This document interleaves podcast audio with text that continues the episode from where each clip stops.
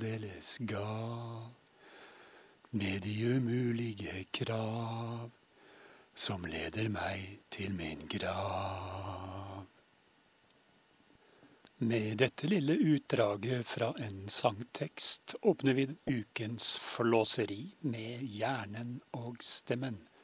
Jeg er stemmen, og hjernen er den som kommer med alle disse snodige tankene som, vi, som jeg leder ut i eh, verden til dere lyttere der ute. Sangteksten som innleder denne episoden, snubla hjernen over en kveld han hadde vært på byen, eh, riktig så fuktig aften, og suste hjemover på en blodtrimma elsparkesykkel skjente ned grøft og snubla over denne teksten. Det er jo sånn at denne institusjonen, som av ganske så uforståelige grunner kalles en Nav, er mislikt av veldig mange nordmenn av en eller annen grunn. De begrepene som går igjen, og betegnelser som går igjen, er jo slik som eh, helt umulig, baklengs, eh, at de er eh, ødelagt, surrealistisk vanskelige, helt ubrukelig og i det hele og store stort sett innstilt på å ødelegge menneskers liv heller enn å hjelpe dem. Men hjernen er av en helt annen oppfatning. Han syns det er på tide å gi denne staute bautaen av en ledestjerne et skikkelig hyllest. Dette fyrtårnet av en statlig institusjon. Institusjonenes institusjon. Eh, en ledestjerne, en, en referanse for alle andre institusjoner verden over.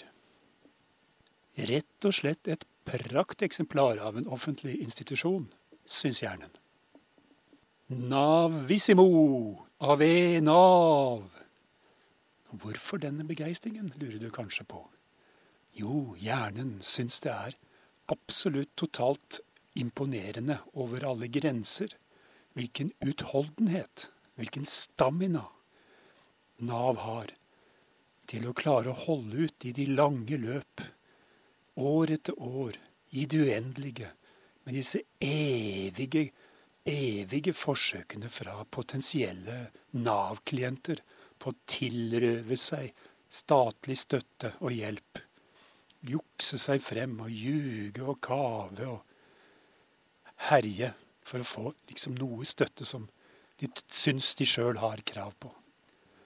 Nav kan stå på sitt i det uendelige, år etter år, tiår etter tiår, kanskje i desennier, uten å vike en millimeter overfor de som trykker på og hyler og skriker og beljer og gråter om at de trenger hjelp. Eller så synker de, de går under, de forsvinner, livet blir ødelagt, de klarer seg ikke. Sutrepavene. Det er særlig disse såkalte kronisk syke som skaffer Nav mye bry og ekstraarbeid. Ja, for ærlig talt, mener hjernen, hvis du er kronisk syk, så har du da ikke bruk for noe støtte til å overleve. Du ligger jo bare der i senga og drar deg hele dagen allikevel. Har ikke bruk for noe da, av støtte og penger og hjelp. Norge har jo uten tvil verdens beste velferdsordninger. Langt over alle andre land i verden. Eh, det er bare det at det er så mange som klager på utøvelsen av disse rettighetene som borgerne har ifølge nedfelte lover og forordninger. Og utøvelsen, det er det jo Nav som står for. Men tross alt så er det jo politikerne som har gitt Nav sine retningslinjer å gå etter. Nå, nå er det sånn at eh, hjernen han har hørt en hutt, sånn sutrehistorie for en av disse lange, evige sytekoppene, som nå har holdt på i 17 år, er kronisk syk, har blitt utredet og utprøvd og hatt arbeidstrening og diverse opplæringer og fylt ut hundrevis av intrikate skjemaer og har da etter hvert klart å komme seg til et punkt der denne personen klarer å jobbe i en bestemt jobb i 50 stilling uten å bli fullstendig ødelagt av arbeidsdagen. Eh, og da var det altså så at etter 17 års utredning så mente veilederen på Nav at nå var det ikke mulig å gjøre noe mer utredning, behandling eller arbeidsprøving eller opplæring. Så da så gjensto det da å søke om en delvis uføregrad, 50% Det ble gjort. Denne personen sendte inn en søknad om 50% eller mindre uførestatus, så at hun kunne klare seg noenlunde greit med den støtten hun tenkte kunne få fra Nav, i tillegg til det lille hun fikk i jobben. Det blir jo så klart avslag etter den normale seks måneders behandlingstiden som Nav har i slike saker. Og en begrunnelse som ikke var i henhold til eh, den beskrivelsen av situasjonen som var levert med søknaden.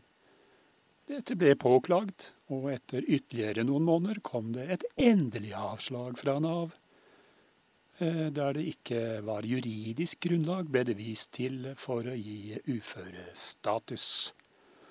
Og dette fordi at de mente at alle muligheter ikke ennå var uttømt. Det var altså mulig å fortsette med eventuelle behandlinger som kan virke, eventuell trening og opplæring som kan få denne personen ut i full jobb, eller andre ting som de mener er nødvendig for at det skal bli fullstendig uttømt. Nå er det jo slik at denne personen og eh, denne personens nærmeste eh, ser at personen selv er bortimot helt uttømt av å være i denne 17 år lange tunge prosessen med Nav. Nedstemt, frustrert, sint, forbanna og deprimert. Og kanskje trenger eh, psykiatrisk hjelp, som hun da også har fått etter eh, henvisning fra Nav som mente at det var der problemet lå, for tross alt, det må da gå an å ta seg sammen. Da gjenstår bare én mulighet, eh, eller to egentlig. Det ene er å fortsette løpet med Nav, da uten noen rettigheter til arbeidsavklaringspenger eller andre ting. Da gjenstår faktisk bare å enten leve på den lille halve lønna, og tigge til seg litt sosialstøtte hver måned utenom, sånn at den kan overleve. Det andre alternativet er å gå til Trygderetten. Eh, da må man ha en advokat og kanskje risikere å tape, og dermed også tape penger på saksbehandling. Nå er det slik at Nav i et eh, tilsvarende tilfelle har tapt i Trygderetten ganske nylig, slik at det er en presedens i saken. Men det stopper neppe Nav fra å gå videre med saken og satse på å kjøre det gjennom Trygderetten. Da går det kanskje et par år til i den prosessen, slik at vi kryper opp mot 20 år fra start til avslutning. Og her er vi tilbake til hjernens beundring for Nav. Han er dyktig imponert over hvor lenge Nav kan holde ut og kjøre et sånt løp uten å vike en millimeter i saken. Der står de mot all fornuft og ufornuft, i tykt og tynt, i mørke og lys, og all slags vær og uvær. Personen vi snakker om i dette tilfellet, var jo veldig ung da prosessen startet, men kan nok belage seg og nærme seg pensjonsalder og vel så det før den er avsluttet. Og da kan du godt bare begynne med alderspensjon, som da selvfølgelig blir minstepensjon, i og med at personen ikke har hatt noe lønna arbeid av betydning med noe særlig opptjening av pensjonspoeng. Alt i alt en stor og fin besparelse for staten i hele denne prosessen. Så hvilken stamina, hvilken utholdenhet. Helt utrolig. 17 år, det er jo ikke noen maratonlangløp for eh, Nav, langt derifra. Det er bare begynnelsen den absolutte begynnelsen på noe som kan bli et evig ukomfortabelt eh, forhold mellom potensiell klient og institusjon. I Navs verden finnes ikke maratoner, kun kortløp og mellomdistanse, uansett hvor lenge det varer. Hjernen er selv inne i en eh, lang prosess med Nav, men syns ikke det har vært noe spesielt ubehagelig eller frustrerende i det hele tatt. Han uh, syns det er gått greit og helt etter boka. Alle skjemaer som har vært så vanskelig å fylle ut at selv ikke veilederne som skal veilede om hvordan du skal fylle ut, er i stand til å forstå hvordan det skal fylles ut, er det ikke noe større problem. Det kommer jo i boks til slutt. Du kan regne med at avslaget kommer, samme hvor lang tid eller hvor feil eller riktig du fyller ut disse skjemaene som skal inn. Grunnen til at hjernen i det hele tatt er inne i en slik eh, Nav-prosess, er at han, som mange av lytterne som har fulgt med oss fra før, vet, han er stum. Stemmebånd ble klippet bort kort etter fødselen, så han er ikke i stand til å uttrykke seg med lyd. Bortsett fra kroppslyder som kommer ut av andre åpninger enn munnen, og klapping og klapsing og slike ting. I tillegg, som dere sikkert har forstått, er han jo også splitter pinegal. Er nå inne på det 15. året med eh, daglige elektrosjokkbehandlinger med stadig større strømstyrke. Inni den skallen putrer og koker noe voldsomt med alle mulige slags merkelige innfall og tanker, som dere da får æren av å høre på her i eh, disse her sendingene. Flåseriet vårt. I løpet av de drøyt 15 årene hjernen har vært i Nav-systemet, har han hatt 763 forskjellige saksbehandlere. Så han har jo skaffet seg veldig mange nye bekjente, og noen av de vil han også kalle venner. Han har også fått gleden av å prate veldig mye med hver enkelt av disse, fordi han hver gang en ny saksbehandler kommer på banen, må dokumentere og forklare sin situasjon i eh, detaljer hver eneste gang. For de har jo ikke tilgang til det han har forklart til den forrige saksbehandleren, sier de selv. For hjernen har de daglige sjokkbehandlingene etter hvert blitt en kjærkommet avbrekk i en ellers uhyre monoton tilværelse. Det er faktisk dagens høydepunkt, sier han, og det kan vi jo bare applaudere. Onde tunger vil ha det til at Nav rimer på krav, som i at det er uhyggelig mange uforståelige og umulige å møte krav som innfris for å komme noe sted med Nav. Det rimer også med stav, som å stikke staver i hjulene på noen. Og det rimer på det svenske uttrykket 'legg av', som betyr 'kutt ut med det derre'. Og det er som 'kutt ut med alt det der maset om at du trenger hjelp'. Så nok en gang sier hjernen gjennom min stemme Navissimo, navissimo, navissimo. Alle disse elektrosjokkene har gitt hjernen en form for fremsynegenskaper, hevder han selv. Og det han ser i sitt fremsyn om Nav, er at Nav, hele institusjonen, alle dets bestanddeler, kommer til å bli fraktet ut på havet i store lasteskip. Og der vil det, på et punkt hvor det er bunnløst, det finnes ingen bunn, vil Nav bli senket ned i sin helhet, ned i havet. Nav i hav.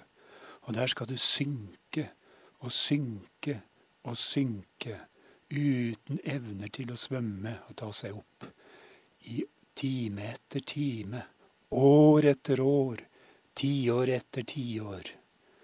Langt ned mot dypet, se det for deg. Boblene som stiger opp fra det synkende navet. Denne institusjonen, denne kolossale enheten, som hundretusener av nordmenn har blitt utøvd makt over fra. En enorm maktutytelse som vi alle er så glade for å bli utsatt for, vi som har fått kjenne det på kroppen. Men alt har en ende, og Nav må også ende.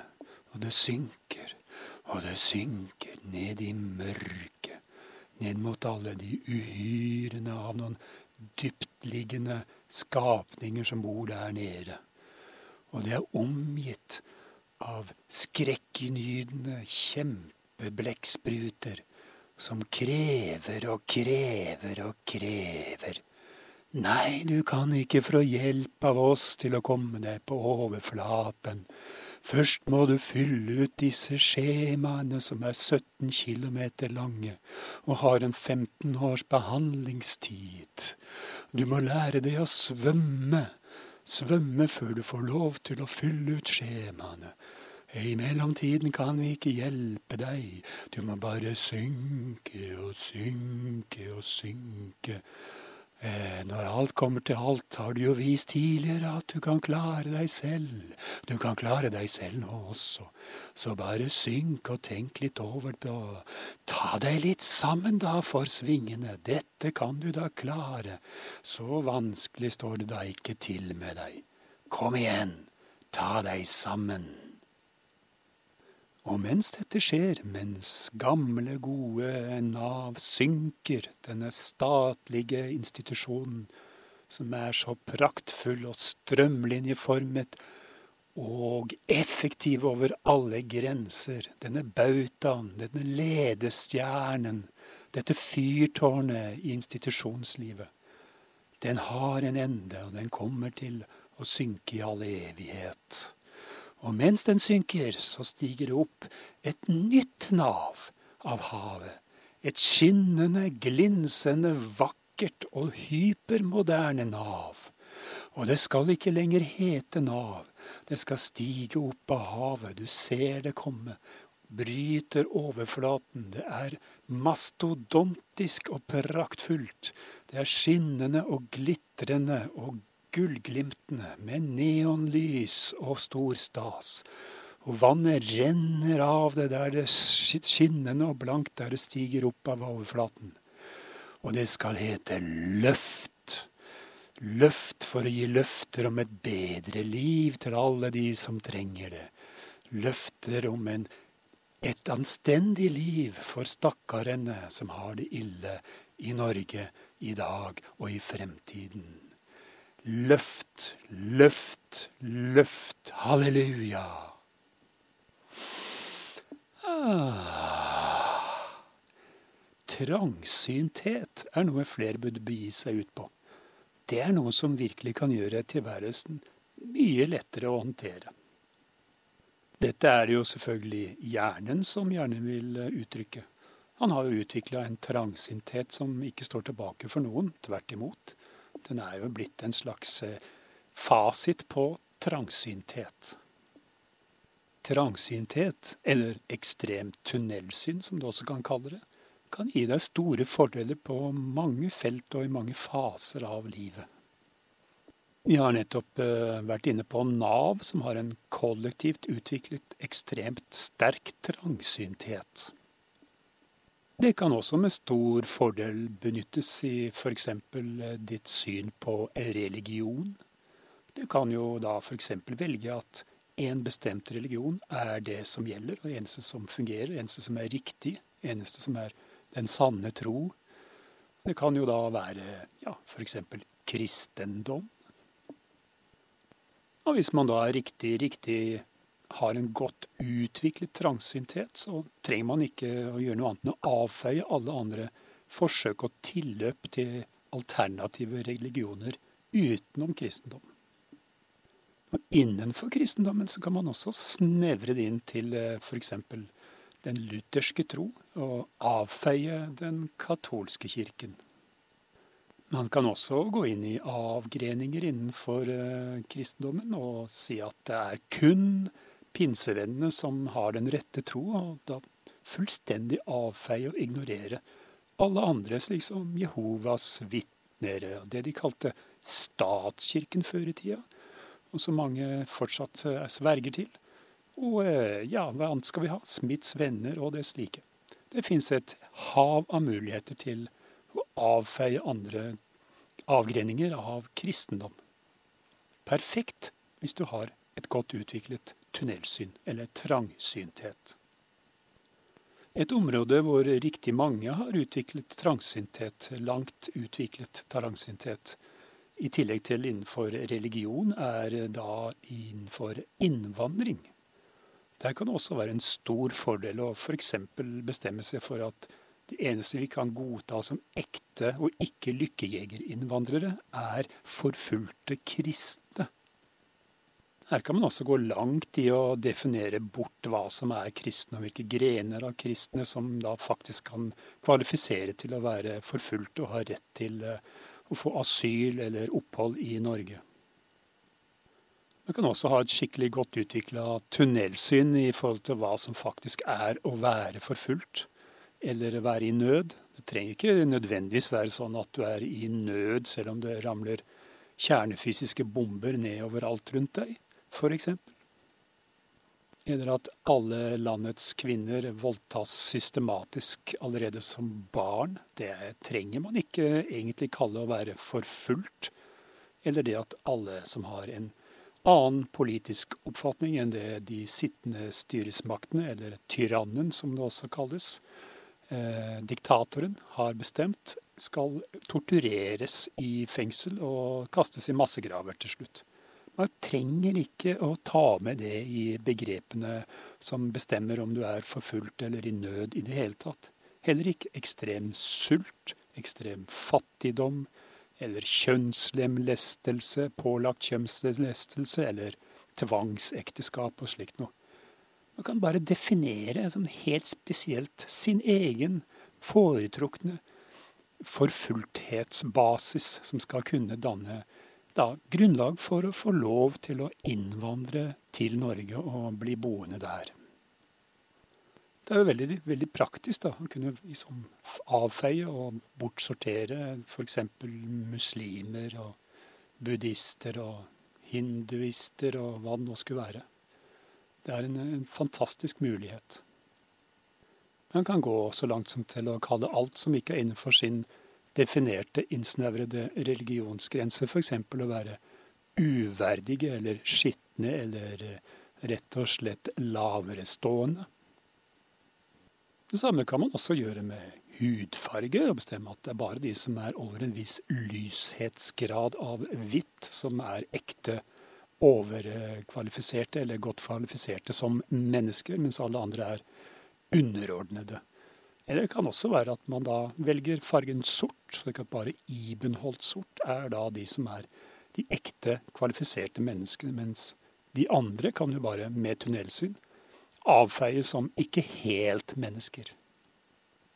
Og da er det jo ganske enkelt, så kan du kalle alle andre for lykkejegere, og ikke ekte asylsøkere med grunnlag for opphold i Norge. Uh, uansett hva de kommer flagrende med av hvilke uretter og problemer de har vært utsatt for og er utsatt for der de har flyktet fra. Mm. Det er mange andre områder trangsynthet er bra. Du kan f.eks. når det gjelder Valg av kjøretøy sier at det er bare Volvo som er ordentlig bil. Alt annet er bare kjerrer. Da blir det mye enklere å bestemme seg hva slags bil man skal ha. Og i politisk retning kan en si at det er bare Rødt som har den riktige politiske retningen og ideologien, mens alt annet kan avfeies som høyreekstremt. Eller vice versa, hvis man går langt ut til høyre og velger seg et ekstremt høyreparti der, og så avfeier alt til venstre der for venstreradikalt. Altså, tilværelsen blir så ufattelig mye lettere å håndtere når man kan bare sortere bort mest mulig, bare velge smalest mulig på alle områder i livet. Pålegg, f.eks. Kun brunost er ekte pålegg Alt annet er mindreverdig, ubrukelig pålegg. Trangsynthet kan jo også med stor fordel eh, utvikles av lærere. Å si at elever som har litt vanskelig for å henge med i opplæringen på et fag, rett og slett er stein stokk dumme. Og da trenger du ikke å forholde deg til det å lære opp akkurat de elevene. Bare sorter de ut. Ut av, ut av bakdøra med de. Lærere kan spare utrolig mye energi på den måten. Bare konsentrere seg om de elevene som tar alt med en gang, veldig lett.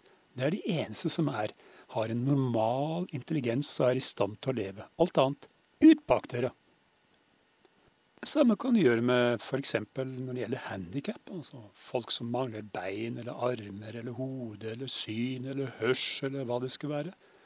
er ikke, de er jo ikke helt brukbare lenger. De er ikke ordentlige mennesker. De er på en måte en slags restmennesker. Vi kan også kalle det undermennesker.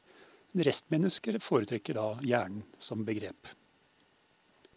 Akkurat på dette punktet mener hjernen at Nav har en stor svakhet, selv om man da hyller de som noe av det beste som finnes, eller faktisk det aller beste som finnes gjennom alle tider av offentlige institusjoner. Hjernen mener nemlig at Nav er altfor veike når det gjelder det å vurdere uførhet for de som har en, et handikap. Det er faktisk slik at de, det fins de som får innvilget uførhet, og da får uføretrygd gjennom livet. Men nei, ikke helt gjennom livet. Der har det blitt litt bedre.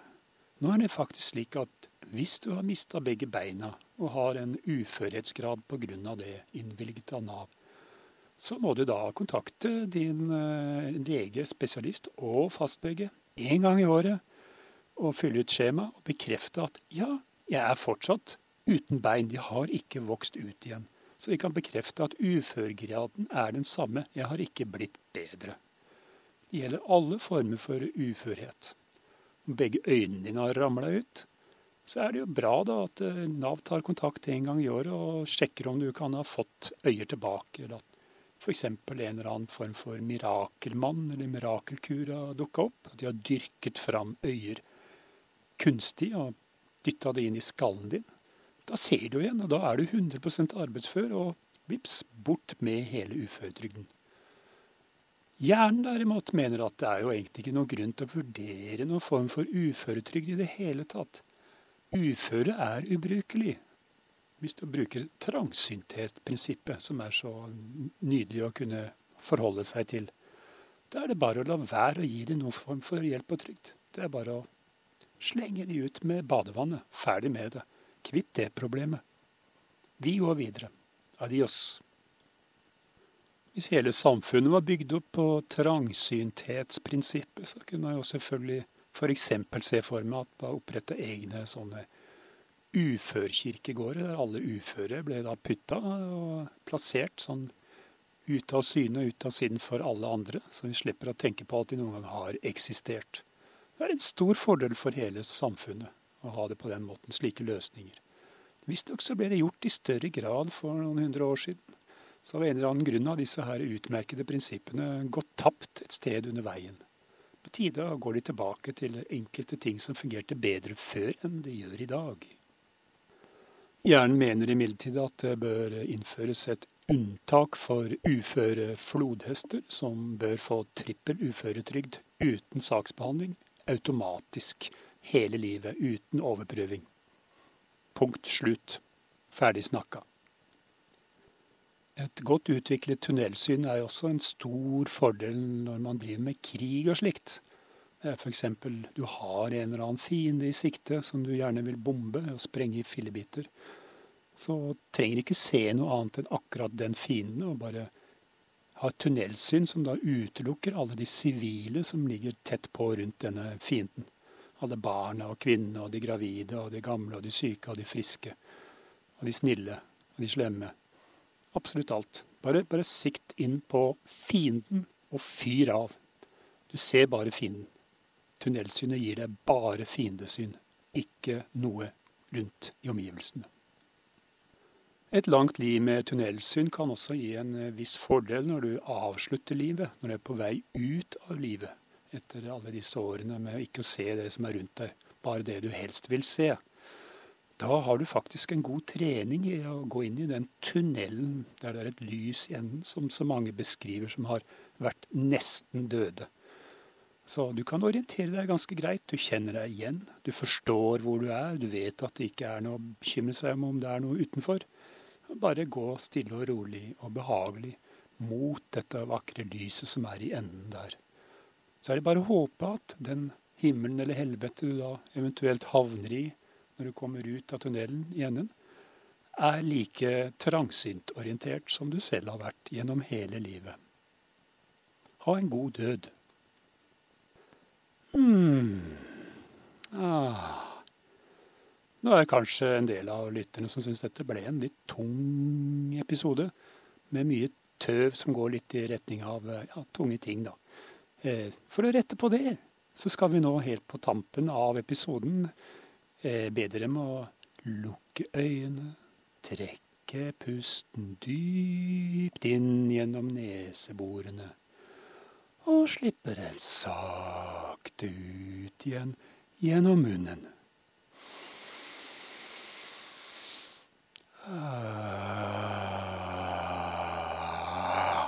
Med et stønn. Og tenk og syng og nynn slik som dette. Nav i hav, løft er tøft. Nav i hav, løft er tøft. Nav i hav, løft er tøft. Nav i hav, løft er tøft. Og helt til slutt, som vanlig, La oss så be Christensens ord, siterer vi her og nå. Ta det med ro, du kommer tidsnok for sent. Mm.